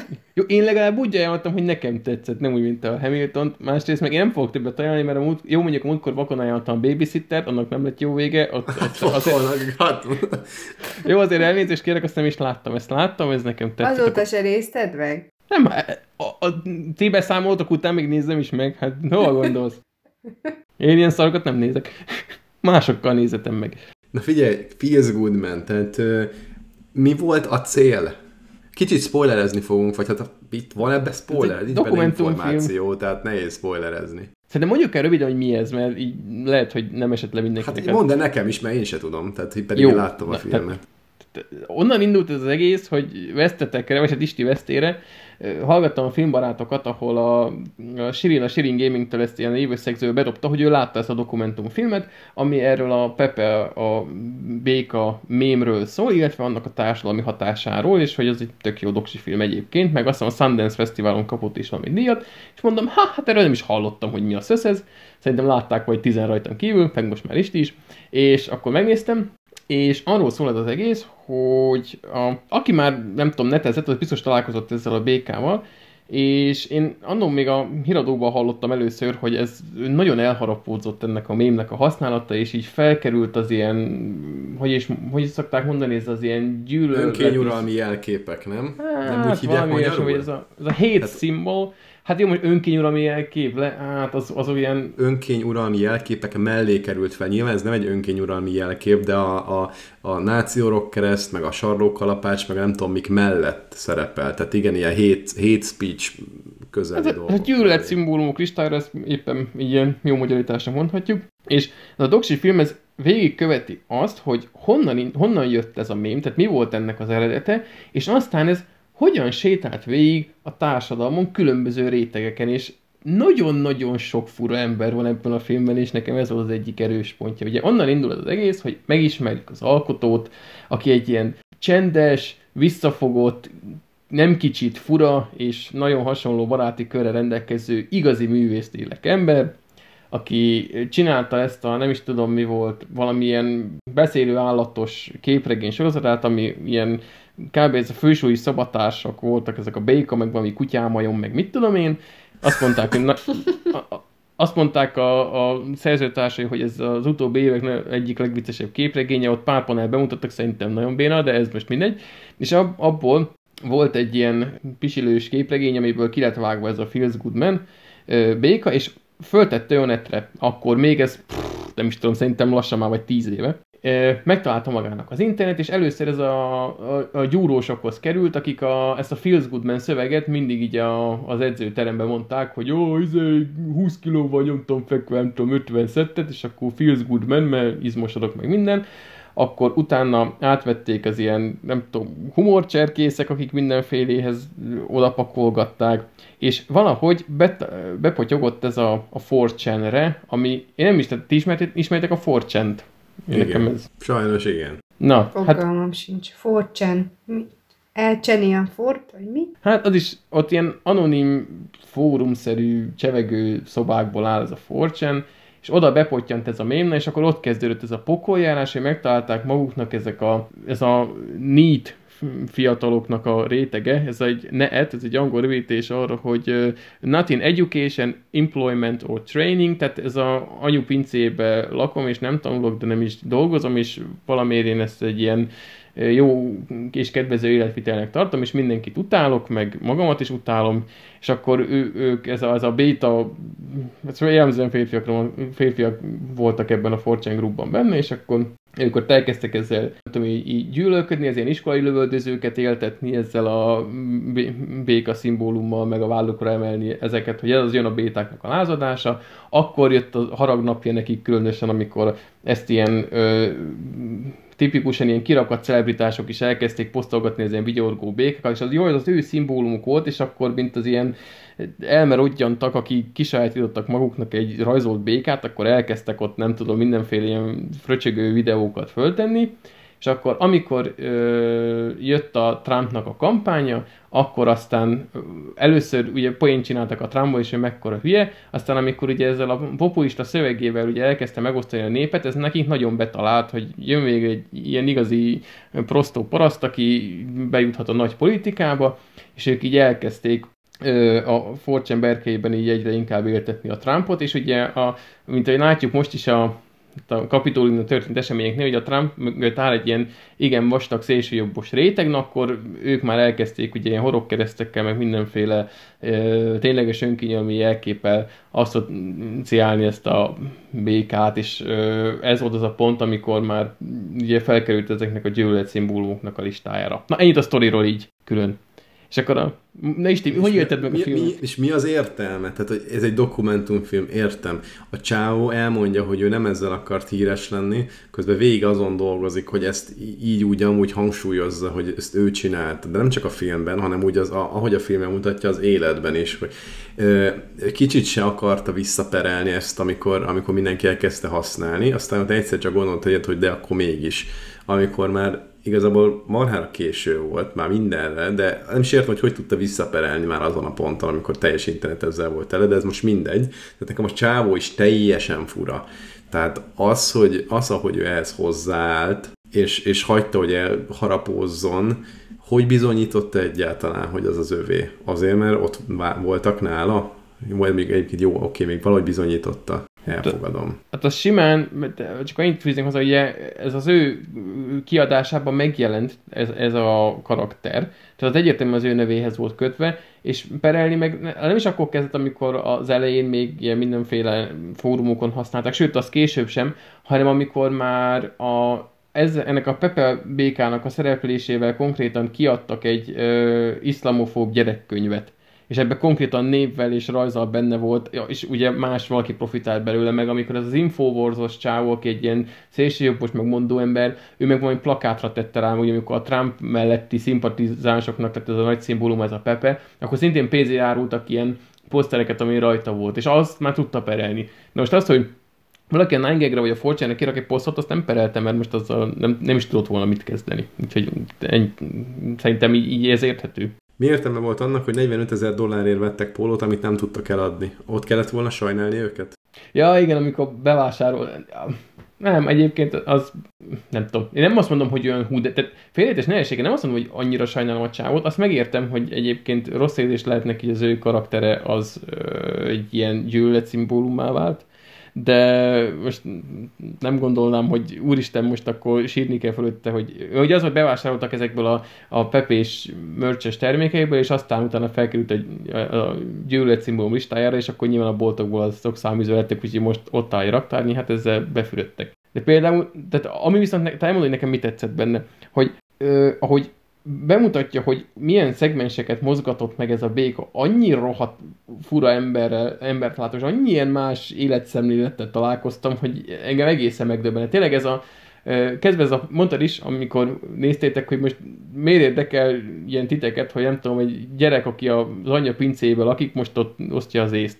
És igazából nekem az egy tök érdekes rálátás volt, hogy nem minden nap találkozom olyanokkal, akik látszólag kielégíti őket ez a gyűlölködő részforma, hogy ők ott élnek az anya pincébe, és nekem így érdekes volt. Látni, hogy igen, vannak olyanok, akik azzal töltik a napjukat, hogy felváltva nézik a forcsent, meg vovoznak, és ő büszke arra, hogy én egyébként nem dolgozom, akkor a disznó alatt tartok ott azon a 6 négyzetméteren, amit, amin lakom, hogy lassan elmásznak a, a pizzás dobozok, és már az anyám konkrétan mindjárt rá, rám szögeli a pincének a bejáratát, mert annyira szégyel még ő is. Nem tudom, engem ez, ez, ez kifejezetten érdekes volt, meg főleg az, hogy mi az a... Jó, nem ment bele olyan nagyon mélyen, de egy kicsit ilyen felületi képet lehetett kapni erről a iskolai lövöldöző mentalitásról is meg aztán, jó mondjuk, aztán jöttek ilyen mém szakértők, pszichológusok, ilyen jogázó, 60 éves dilahajú nő, van egy csávó, aki tényleg azt gondolja magáról, hogy varázsló, mondjuk azt én sem tettem volna bele, mert egyszer csak egy random snit, hogy ő mondja, hogy így a, a fortune ahogy itt a Pepe-vel szugerálják a, a, az ilyen no-lifer csávók az embereket, hogy azzal ilyen varázserők szabadulnak fel, és így néztem, hogy jó van, ez, ez honnan jött? Ez melyik pszichiről engedték? Egy ilyen, és úgy kell képzelni, mint az átlag ilyen elmerodjan varázslókat, hogy egy ilyen 60 éves, bujaszakállas, ilyen félőrült tekintetű öregember. Volt egy millió, millió, dollármilliómos csávó, aki ebből a, a Pepéből gazdagodott meg, mert az ilyen valami kriptovalutát is csináltak a, a Pepéből, és akkor lehetett gyűjtögetni valahogy ilyen, a, nem, nem, nem értem teljesen a technológiát, de hogy valahogy ezekre a kriptovalutákat úgy alkották meg, hogy ilyen Pepe kártyákként, mint a Pokémon kártyák, amiket gyűjtögetsz, és hogyha van egy ilyen ritka Pepe kártyád, akkor az nem tudom, milyen több százezer dollárokat ér, és akkor ahogy azt el kell kézelni, jön egy ilyen 30 év körüli hülye gyerek, a természetesen vette egy vadúj lamborghini mert hát minden ilyen 30 évesen milliómossá változó hülye gyerek venni fog azonnal egy Lamborghini-t. Ugye laza izé bőrcsekébe, és őről az életnek, hogy haha, izé, mit tudom, így kitúrtam három ritka pepét, azt milliómos lettem. És ilyenek is vannak, hogy egy ilyen netes mémből ő Lamborghini-t vett, mert nem tudom, hogy. Én ebben nem vagyok biztos, ott már második felében annyira nem figyeltem, tehát nem minden apróság. Ja, ráadásul nem is volt az magyarul, mindegy, angolul néztük én nem is biztos, hogy mindent tökéletesen értettem, meg tényleg nem figyeltem a második felébe annyira, de hogy nem arról volt, hogy a csávó az cryptocurrency-ből gazdagodott meg, de nem ebből, hanem hogy utána ebbe is beleszállt. Jó, itt lehet, hogy akkor... Vett valami ízét, valami, ezt a, ezt a, ezt a top, top rare, tehát valami nagyon-nagyon ritka ilyen pepét, de ki volt egyedül ilyen, vagy még egynek volt. Homér pepe. Homér Pepe, és ez, de ez egy úgy képzeljétek el, mint egy kosaras kertjet, amit még tinédzser korunkban, vagy én legalábbis gyűjtöttem így kicsit, vagy itt egy pár darabot, de semmi nagyon nagy értékű már nem volt nekem. És, és akkor ott neki ez egy Pepe kártya volt papírból, és ül az gyönyörű szürke lamborghini és osztja az észt az egész nem értem, hogy mi van mögötte. Tehát, hogy a, aki egyébként arról akar megtudni többet, hogy a Trump az hogy került hatalomra, akkor nem a Pepétől került hatalomra, meg amit ott hozzá tettek, hogy akkor mekkora izé volt, hogy ott is mennyi mindent tett érte a mém. Az olvassa a Timothy Snyder-től a Road to Unfreedom című könyvet, van magyarul is, csak nem tudom a címét, és, és abból megtudja, hogy például Trump az hogy lett ilyen fogyatékelnök négy évig tehát ott, ott tényleg kiderülnek dolgok, hogy ki támogatta, hogy támogatta, ez egy nagyon komoly történész professzor, pont. És más, annak örültek a, a fortune meg, a, meg ez, a, ez a réteg, hogy a Hillary Clintonnak az egyik kampány beszédében, mi gondolom, ami Iowa vagy nem tudom, Texas környékén volt, hogy valaki bekiabáltotta gyűlésen, hogy Pepe, és akkor úristen, be lett vágva, két percig bentek a snittek, hogy úristen, akkor milyen kommentek jöttek, hogy ez az, elértünk valami, gyerekek, ez az. Tehát értem, hogy ez egy szubkultúra, világos, erről szól a film, de hogy ez engem kicsit se érdekel, az száz százalék. Jó, de am- amúgy most most ezt a történész professzoros Trumpos szávát, ez nyilván nem az volt a fókusz ennek a dokumentumfilmnek, hogy hogyan került a Trump hatalomra, és nem azt akarta mondani, hogy a Pepe mém miatt lett a Trump hatalomra. Ez a dokumentumfilm a Pepe mémről szól. És ahogy mondta is, hogy, hogy jó, most ha tényleg nem érdekel az a mém, akkor valóban ez a doksi film ez neked mellé fog menni, mint hogy mellé is ment, mert ahogy mondta is, hogy miért volt az annyira érdekes, hogy valami hülye gyerek bekiabálta azt, hogy Pepe a Hillary Clintonnak a beszéde alatt. Nekünk, ilyen normális értékrendű embereknek nyilván ez jó van, ügyes vagy fiam, hát foglald el magad, de nekik ez egy ilyen eszméletlen, extatikus élmény volt, hogy ugye ott a, a élőben ment ez a Hillary Clinton beszél, és akkor Fortune-ot írogattak neki, és akkor bekiabálta, hogy Pepe, és nekik ez egy ilyen, nem tudom, társadalmi harcban egy ilyen fontos, megnyert csata volt. Tehát nekem az volt érdekes, hogy embereknek ennek jelentősége van, mert lennakok az anyám pincéjébe, és vovozok egész nap, meg a Fortune-re írogatok különböző elmés eszmefuttatásokat, akkor igen, nekem azért rohadt nagy siker lesz, hogy az a random másik gyökér, az bekiabálta, hogy Pepe. És vannak emberek, akiknek így ebből áll az életük, hogy így trollkodnak mindent szana szét. És ugye korábban is, gondolom minden történelmi időszakban megvoltak azok, akik így valamilyen szinten így lecsúsztak, vagy, vagy fiatalon a, a perifériára kerültek, és nem tudtak beilleszkedni a, a társadalomba, vagy a munkavilágába, vagy a, a, az oktatási rendszerbe, és most így a, a netnek hála, meg a, például most a Fortune-nek hála, így ez a társaság így jól megtalálja egymást, és ez a pincelakó közösség így szépen, nem tudom, olyan magasságból is eljut, mint hogy beszédek alatt bekiabálnak. És nekik ennek jelentősége van, és ha tudják ezt a, ezt a baromi nagy mindenki irányába ható gyűlöletet, ami az ilyen félrecsúszott életük miatt bennük bugyog, azt így összeadni, és akkor egy ilyen nagy gyűlöletlávaként ott elkezdik generálni egymásban az indulatot, és egyébként ez jó, egy-egy ilyen elszigeteltes, meg csúcsosodik ki, de az akár egy iskolai lövöldözés is lehet.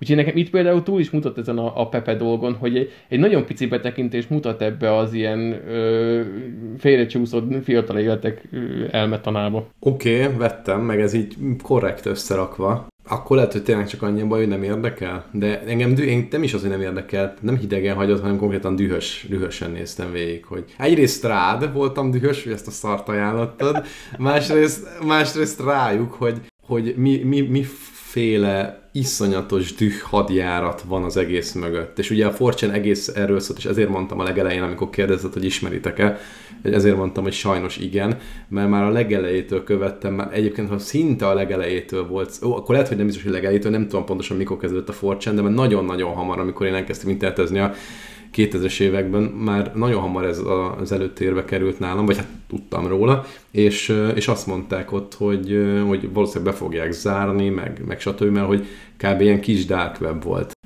csak, csak nem a dark webben, tehát iszonyat, hogy ott mik mentek, meg milyen, de ezt mondják egyébként a filmben is, elhangzik egy ilyen mondat, hogy az volt a menő, meg minél több lájkot, akkor még nem lájkok voltak, de valamilyen pluszok, mit tudom én micsodák, hogy minél nagyobb gyűlölet keltő kommentet írjál, mert akkor tudtál legmagasabbra kerülni, mert mindenki azt szerette volna látni. Minél nagyobb és erősebb mondást kellett tenni. Na most pont ez a bajom, hogy vannak ezek a vovozók, ami egyébként én is voltam, de nem ez a anyuka pincéjében vovozó, hanem mellette éltem az életemet is, és, és akkor ők, akkor Pepe, és akkor mondjuk be a Hillary Clintonnak a beszédén ennél sokkal durvább bekiabálások is voltak, tehát az egész mögött ez a, ez a nonsens, hogy valami a való életben valaki csinál valamit, az eredmény, mert mi egyébként ki sem megyünk a pincéből.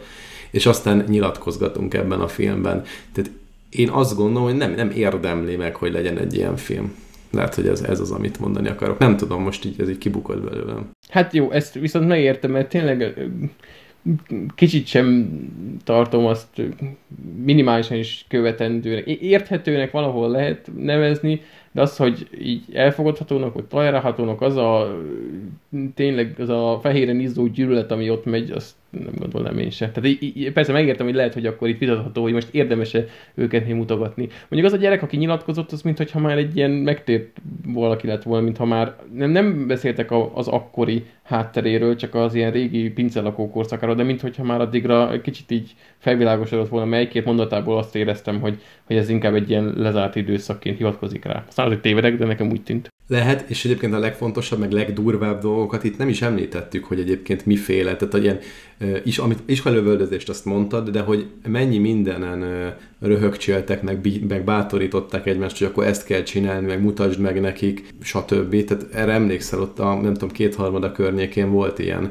hogy, hogy hmm. me, milyen mélyre süllyedtek, és nem véletlenül lett szélső jobboldali jelkép is, meg ott a zsidó ellenes valami mozgalomnak valami igen, jelképe, igen. tehát ez konkrétan egy amerikai História X volt online formában. És ami érdekes, hogy viszont ugyanez a, a Pepe és azt nem fejtek ki a doksi film, hogy hogyan, meg nem is tudják, Hongkongban meg az ilyen kínai elnyomás ellen lázadóknak a jelképe lett. Tehát ott meg egy ilyen, és hiába próbálkozott az alkotója, hogy jaj, ő próbálta visszaterelni a Pepét, hogy jaj, legyen ez a béke szimbóluma, de ez egy ilyen, ilyen hammába holt elképzelés volt. Úgyhogy végül, amikor az alkotója így, így írt is egy képregény, amiben így megölte a Pepét idézélbe, viszont Hongkongban meg ott pont az ilyen az elnyomás elleni lázadásnak a szimbóluma lett így párhuzamosan, így látszólag random, szóval az, az is egy ilyen érdekes, ilyen kis záró akkor volt hozzá.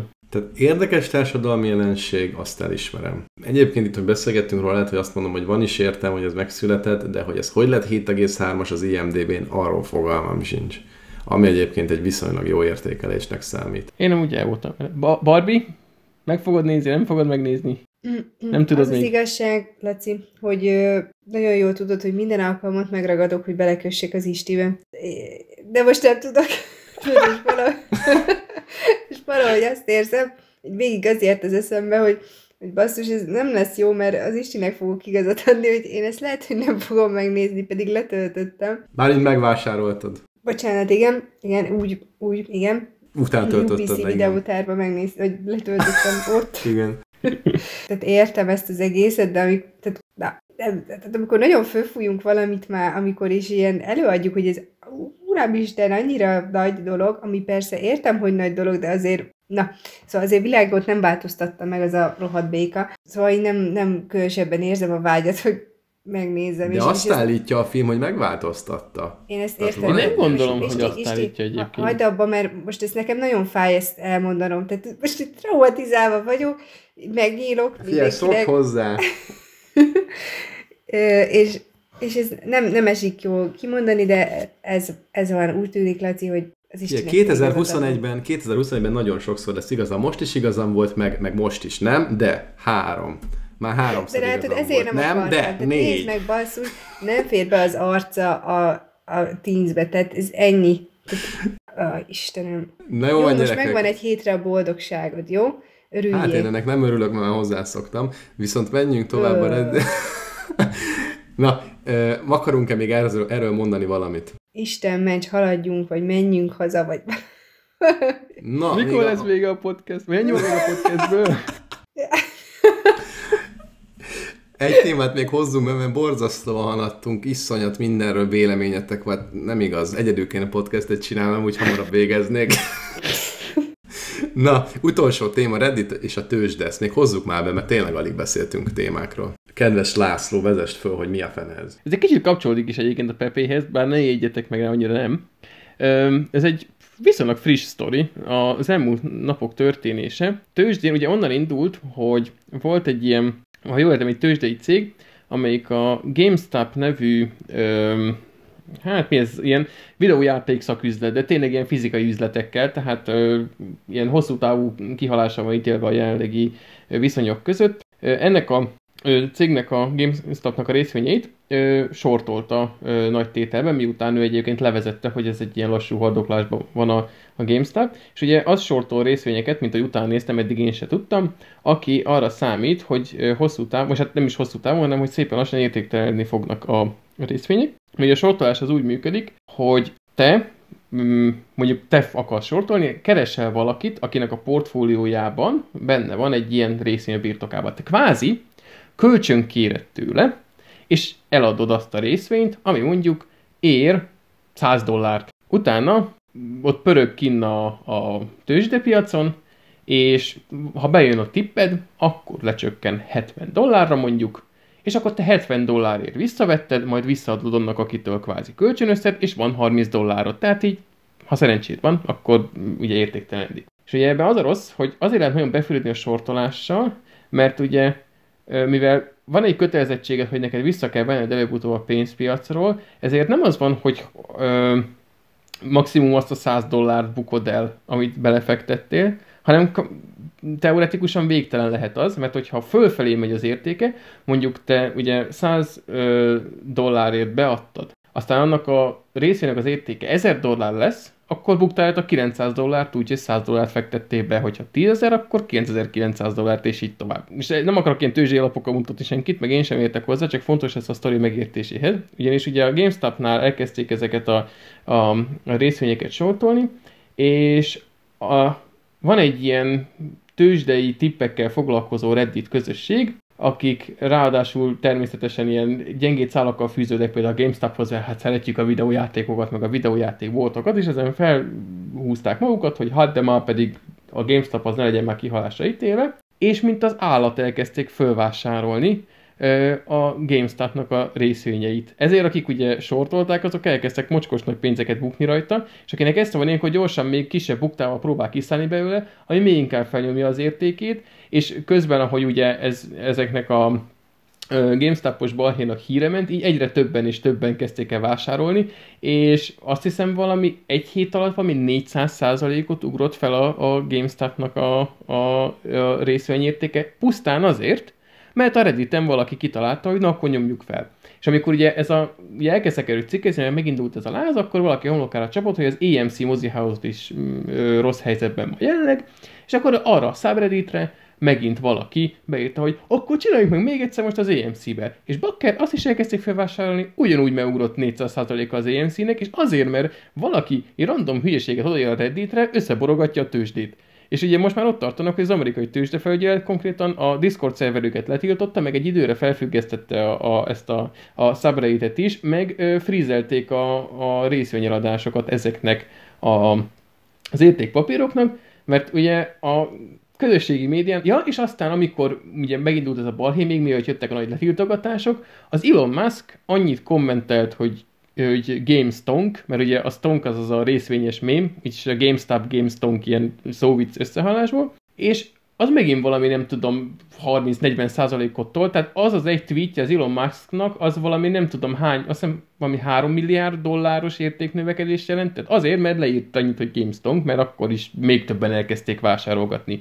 És én mindenkit a tőzsde világban hidegver, hogy most azért, mert a közösségi médián összeáll, nem tudom, nem ezer darab reddites, akinek van egy kis félretett pénz, amivel hazádírozik jobbra-balra, össze-vissza tudják borogatni a tőzsdét, és most jó, hogy oké letiltották ideiglenesen, de hogy nem nagyon látok rá ö, olyan módot, amivel ezt így stabilan meg lehetne gátolni, hogy ne jöjjön megint egy ilyen hirtelen vezérelt ötlet, hogy na, akkor vásároljuk fel. És ráadásul ez utána átfordult ilyen kicsit, mint a Fortune, ilyen szabadságharca, hogy mert a nagy cégekkel megyünk, és megmutatjuk nekik, hogy például a, a GameStop az nem lesz majd leértéket, és ilyen Robin Hoodoknak kiáltják ki magukat, és ilyen hülye módon össze-vissza borogatják a tőzsdét. És ez szerintem rohadt ijesztő, mert ugye a, látjuk szépen a viszonyokat, hogy mondjuk ha, ha még egy nagyobbat gurítanának, akkor lehet, hogy mit tudom a, megborítják a tőzsdét, az destabilizál az amerikai gazdaságot, az destabilizálnak a világgazdaságot. Most nyilván ez egy kicsit ilyen nagyon ö, apokaliptikus forgatókönyv, de engem kifejezetten megrémisz az, hogy egy valaki kiírt egy darab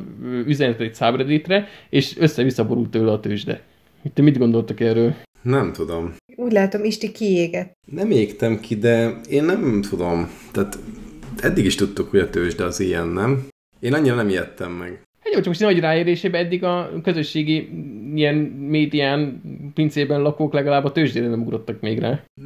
Most ezt nem teljesen értettem, hogy a freeze az azt jelenti, hogy mondjuk egy GameStop-nak a részvényeit most nem lehet eladni? Aztán volt egy, volt egy időszak, amikor hogy stabilizáció miatt igen, nem lehetett vele kereskedni. De aztán Magyarországon is bevezettek korlátozásokat rá. Uh-huh. Mert hogy hát mindenki azt csinál saját pénzzel, amit akar, nem? Hogy ez egy ilyen alap szabadpiaci mondás, aztán az, hogy most a szabadpiacon ez egy valid mondás se, vagy, ez, vagy egyáltalán jó az, hogy szabadpiacon, az egy következő kérdés, de hát azért azt szoktás, szokás mondani demokráciában, hogy, hogy igen, nem? Tehát ez, ez, ez, ez szokott lenni a mondás. Aztán ezt döntsék el közgazdászok, hogy ez így van-e, vagy nincs így, fogalmam sincsen. De én annyira nem ijedtem meg, tehát van egy gazdasági modellünk, ami így működik az, hogy a tőzsde, miért, a 2020-ban egyébként miért, miért ment föl a, az amerikai tőzsdén egy csomó nagy cégnek az árfolyama több száz százalékkal, de mondjuk a 200 százalék az így egy csomónál megvolt. Egyáltalán nem volt kimagaslóan jó év 2020. Miért lett volna? Hát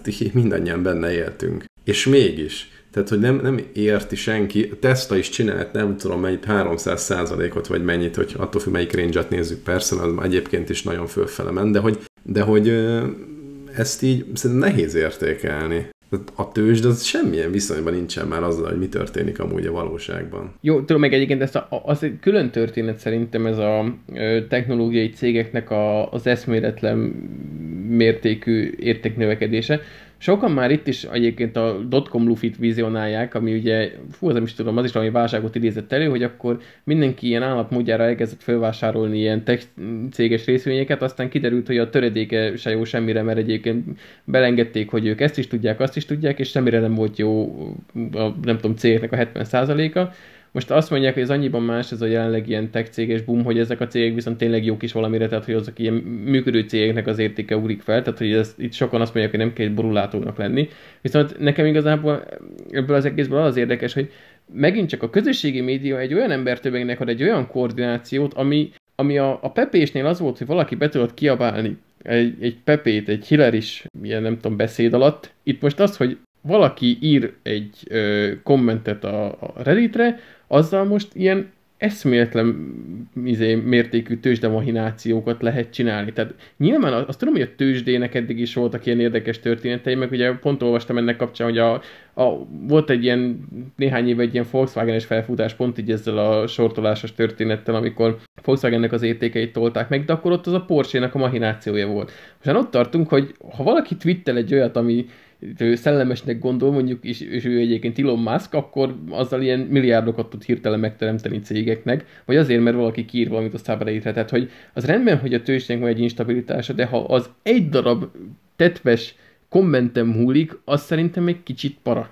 Mert hogyha valaki, nem tudom, tőzsdecég mahinál, nyilván eddig is tudtuk, hogy voltak emberek, meg ilyen olyan cégek, akik a 2008-as, meg egyéb meg válságok mögött, meg dotcom lufi mögött álltak, de azok ilyen gazdasági, piaci szereplők voltak, nem néhány ilyen random hobbi nyerészkedő redditer, aki kiírt valamit egy hirtelen ötlettől vezérelve, amíg nem tudom, éppen a budin ült. De ezek nem, hír, nem random nyerészkedők, kis twitterezők vagy redditezők, tehát itt azért a pénzükkel szavaztak egy három forintból nem lehet megrengetni a tőzsdét, ezek nagyon komoly magánvagyonnal rendelkező emberek lehettek, vagy pedig tényleg több százezre nem, voltak. Nem, sokan voltak, nagyon. Tehát tényleg az, hogy jó, nyilván nem 10 dollárt tettek be, de mondjuk, ha belerak, nem tudom, 100 dollárt 1000 darab ember, vagy 5000 darab ember, akkor az úgy hirtelen elkezd úgy valamerre mozogni. És akkor nyilván utána már, ha bemozdítja, csak egy picit meglökik, akkor utána az elkezdi generálni, mert akkor nyilván a nagyobb pénzesek is elkezdik belepakolni, ha azt látják, hogy elindult annak a papírnak az árfolyama fölfelé. De ahhoz, hogy megindítson egy ilyen lökést, ahhoz elég, aztán utána az majd bevonza szépen a, a többi nagy pénzest. Szerintem egyáltalán nem nyilvánvaló, hogy attól, hogy fölfelé megy, attól majd a nagy pénzesek is beleszállnak. Ez stratégiai kérdés, de Nyilván. Én sokkal jobban megijednék attól, hogy megint ilyen tömeghatás, hogy valaki azt mondja, hogy akkor csináljuk ezt, azt másik, hár, másik 30 ezer, nem tudom mennyi, több tízezer ember belemegy, úgy, hogy egyébként a saját pénzét kockáztatja. Nyilván ezek a szábrejtések a saját pénzüket kockáztatják, de mondjuk ők egyébként nem sortoltak, hanem vették, tehát ők maximum tudnak elbukni, amennyit beletesznek ellentétben azokkal a, a komoly cégekkel, akik sortoltak, és valami nem tudom, ők ilyen valami dollár milliókat buktak ezen. Nézd, értem, értem hogy technológia tanuló vagy, tehát hogy matematikailag bármennyit tudsz bukni, de arra nagyon-nagyon-nagyon kevés az esély, hogyha sortolsz, és utána valaki egyébként ennek ellen dolgozik, akkor mondjuk tízszeresét bukd el, és akkor, tehát hogy tízszeresére menjen a részvényárfolyam. Tehát most is mondtad, hogy nem tudom, kétszeresére vagy négyszeresére ment az árfolyam, tehát akkor elbukták a pénzüknek a ötszörösére, ami rengeteg pénz, de ugyanaz a nagyságrend, mint hogyha elbuknák a saját pénzüket. De az egy hét alatt ment messze valami, nem is tudom, év elejéhez képest, vagy tavaly év végéhez képest már valami ezer százalék volt, tehát hogy itt ilyen mértékű növekedés volt, az csak ilyen egyhetes viszonylatban volt a négyszerese. Uh-huh. Hát érdekes minden esetre, persze de mondom, én onnan is vizsgálnám, hogy akkor vannak ezek a csoportok, és képesek a saját pénzükkel úgy szavazni, hogy azért, mert ők egyébként szeretnek játszani, akkor nehogy már csődbe menjen. Hát miért ne? Vagy tehát én ilyet nem mertem volna megcsinálni, az biztos. Nem, de ez ilyen, és nem is azért, mert most jó, mert mindenki szeretjük, szeretjük az EMC-t, a szavazzunk rá, hanem utána átment ilyen tényleges trollkodásba, hogy mi megmutatjuk, hogy mi Robin Hoodok vagyunk, és a nagy cégeknek a, a érdekei meg pénze ellen mi majd itt jó beleköpünk a levesükbe, és egy ilyen társadalmi mozgalom indult meg. Tehát ez egy ilyen szintiszta trollkodásból pakoltak bele ilyen száz meg ezer dollárokat emberek. Sokan. De hogy derült ki az, hogy nagy cégek sortolnak-e? Akkor utolsó kérdésem. Azt hiszem volt valami, uh, itt egy kicsit homályos volt, volt azt hiszem valami cikk, amit írtak róla, ez a, nem is tudom, aj, ez most nem az a cikk, a cikk a hibás. Cikk a hibás. Hát lehet, de aztán utána az EMC kapcsán már ugye az csak az első ilyen, nem tudom, dominó volt, ami a, a GameStop-ra vonatkozott. Utána már a többinél így random írogatták a szabadíták, hogy jó, akkor most menjünk rá az EMC-re, mert csak. Hát érdekes. Ez a Cytron Research ö, fogalmazott ilyen terminal decline kifejezést használt a GameStop-ra, és akkor valahogy ez indította be ezt az egészet. Itt van ez a daily.com-os cikk, ott el lehet olvasgatni, hogyha Isti ezt olyan kedves, és berakja a sonozba, akkor majd ott megtaláljátok. Leszek olyan kedves, és ti meg legyetek olyan kedvesek, és nézzétek is azt a kultúrsufni.hu oldalon, és most szeretnénk azelőtt elköszönni, mielőtt Barbie elalszik, úgyhogy jövünk jövő héten is. Szevasztok! Sziasztok! Sziasztok!